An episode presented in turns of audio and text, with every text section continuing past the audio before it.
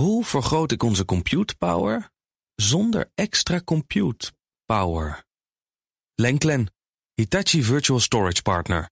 Lenklen, betrokken expertise, gedreven innovaties. Tech Update. Met Joe van Buurik. Goedemorgen, Joe. Dag Meindert en Ivan. Ja, sinds Twitter onder Elon Musk is omgedoopt tot X... kun je het niet meer vertrouwen voor nieuws.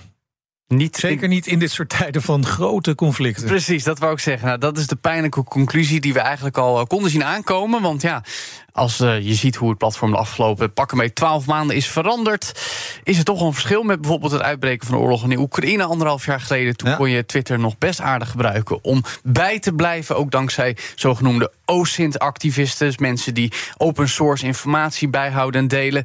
Nu is het een spreekwoordelijk mijnenveld als het gaat om het conflict in Israël en de Gazastrook. Dat is geëscaleerd. Want sinds de eerste grote aanval eh, afgelopen weekend en maandag zijn er al 50 miljoen posts, want ze heet geen tweets meer, over die strijd gedeeld. Althans, volgens een account van X zelf, schrijft Bloomberg.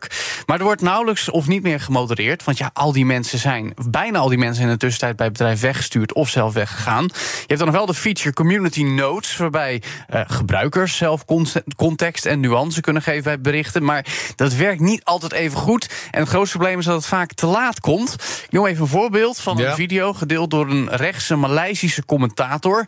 Die daarbij aangaf dat een Palestijnse militant Israëliërs aan het afschieten was. Werd in drie dagen bijna 13 miljoen keer bekeken. 50 miljoen keer geliked. Maar toen verscheen een community note die zei dat de schutter juist een Israëlische wetshandhaver is. Hetzelfde geldt voor een foto van Joe Biden die aan zou kondigen noodsteun te geven aan Israël. Maar dat was een bewerkte foto van een aankondiging richting Oekraïne. Nou, zo gaat dat dus. Probleem is dat dat soort dingen niet alleen op X rondgaan. Want daarvan kun je nog zeggen, ja, laat ze maar met elkaar naar de verdoemenis gaan. Maar het slaat ook over naar andere social media, zoals TikTok, waar het dan ook op geplaatst wordt. En het komt dan weer terecht in besloten Telegram-groepen bijvoorbeeld, waar helemaal geen toezicht is. Dus het, het kettingreactie-effect Ja. dat door X gecreëerd wordt, dat is nogal een extra groot probleem. Ook nog eens verrassend, niet, maar niet heus moet ik zeggen, is dat verantwoordelijkheid nemen er ook niet heel erg in zit bij X. Want drie keer raden wie er komende week tijdens een techconferentie van de Wall Street Journal zou spreken. De CEO, Linda Jaccarino. Oh. En drie keer raden wie er zojuist heeft afgezegd. Linda Jaccarino. Want volgens het statement eh, zegt uh, er is een internationale crisis. En Linda moet volledig met haar team gefocust blijven op X en de veiligheid daar. Ja. Uh, Doe dat maar eens. Ja. Ja. precies. Maar voor het echte nieuws dus niet meer naar X, maar waar moet je dan zijn? Uh, BNR. Juist, precies. Even heel ander nieuws dan. Uh, Samsung komt met een eigen financiële, uh, in een eigen financiële crisis terecht met verwachtingen van de chiptak. Ja, nou belangrijk om te weten, als je enig belang zou hebben bij die Koreaanse techhuis of bij de bredere chipsindustrie, ook een belangrijk stukje nuance in dit Ja. verhaal. Maar de kern van het verhaal is dat de winst over het derde kwartaal voor Samsung naar verwachting 80% gaat inzetten ten opzichte van een jaar Oeh. geleden. Dat is pijnlijk. Volgens uh, verwachtingen van een groep van zo'n 19 analisten komt dat neer op 1,56 miljard dollar. Nou, dat was dus ongeveer vijf keer zo hoog een jaar geleden. Vooral door het overschot aan chips. En dan vooral de soorten die Samsung ja. produceert.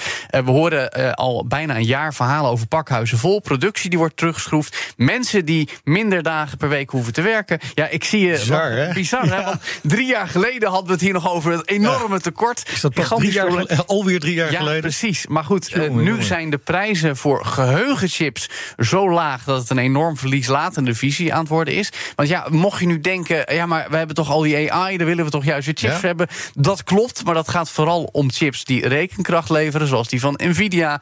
Samsung specialiseert zich dan weer in geheugenchips. Ja, die zijn nu veel minder in trek. Maar goed, morgen komen de kwartaalcijfers van het Koreaanse techbedrijf. Hmm. Dan gaan we nog veel meer horen. Nou, ik hoop dat die, al die Europese fabrieken voor chips niet te laat komen. Maar goed. Nee, uh, en geen geheugenchips nee, maken. Precies, precies. rekenchips. Precies. Uh, dan nog even dit. De topman van techbedrijf Unity, die stapt op. En jij gaat ons nu vertellen waarom dat zo opvallend is. Ja, want Unity is misschien niet enorm bekend... maar nee. het is één van de twee belangrijkste partijen... die tools maken om virtuele werelden te bouwen. Nou, dan moet je denken aan toepassing met games, virtual reality... maar ook special effects voor films bijvoorbeeld. Het is ook de partij die Apple benoemd heeft... als de belangrijkste als voor de Apple Vision Pro... die slimme bril straks dingen oh, gemaakt ja. gaan worden. De andere grote speler is trouwens Epic Games met de Unreal Engine. Daar maakt ook zowat heel Hollywood gebruik van.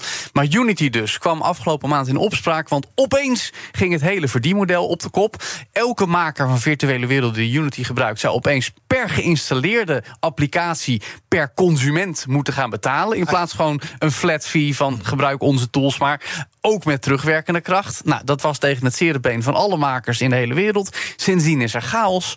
Ondanks meerdere statements van Unity dat ze het min of meer zouden terugdraaien, want zo gaat dat dan. Maar nu stapt de topman op als ja, uh, zoveelste reactie in deze saga, John Riccicello, om de gemoederen te bedaren. Die man was trouwens ooit mijn de topman van gameuitgever Electronic Arts, EA. Ja. Heeft daar ook wat mm, dingen aan zijn kerfstok, laat ik het zo zeggen. Weet je bijvoorbeeld die lootboxen hè, in de FIFA Ja. Eigenlijk die het gokken. Precies, dat je geld blijft betalen om de spelers te krijgen die je wil. Hij heeft dat ooit goedgekeurd. Ah, dus. En hij zei, Hmm. eh, partijen die niet aan dat soort dingen meedoen... zijn effing idioten. Want zo verdien je geld. Dat was zijn kijk. ja. Dus, fijne man dus. Maar goed, nu dus weg bij Unity. We gaan merken of dat ook de rust gaat doen... weer de keren in de ontwikkeling van virtuele werelden. We gaan het in de gaten houden via onder andere jou. Dankjewel, Joe van Buurik. De BNR Tech Update wordt mede mogelijk gemaakt door Lenklen. Lenklen. Betrokken expertise, gedreven resultaat. Hoe maak ik van ons VMware-platform een on-prem AI-platform? Lenklen. NVIDIA AI Enterprise Partner. Lenklen. Betrokken expertise, gedreven innovaties.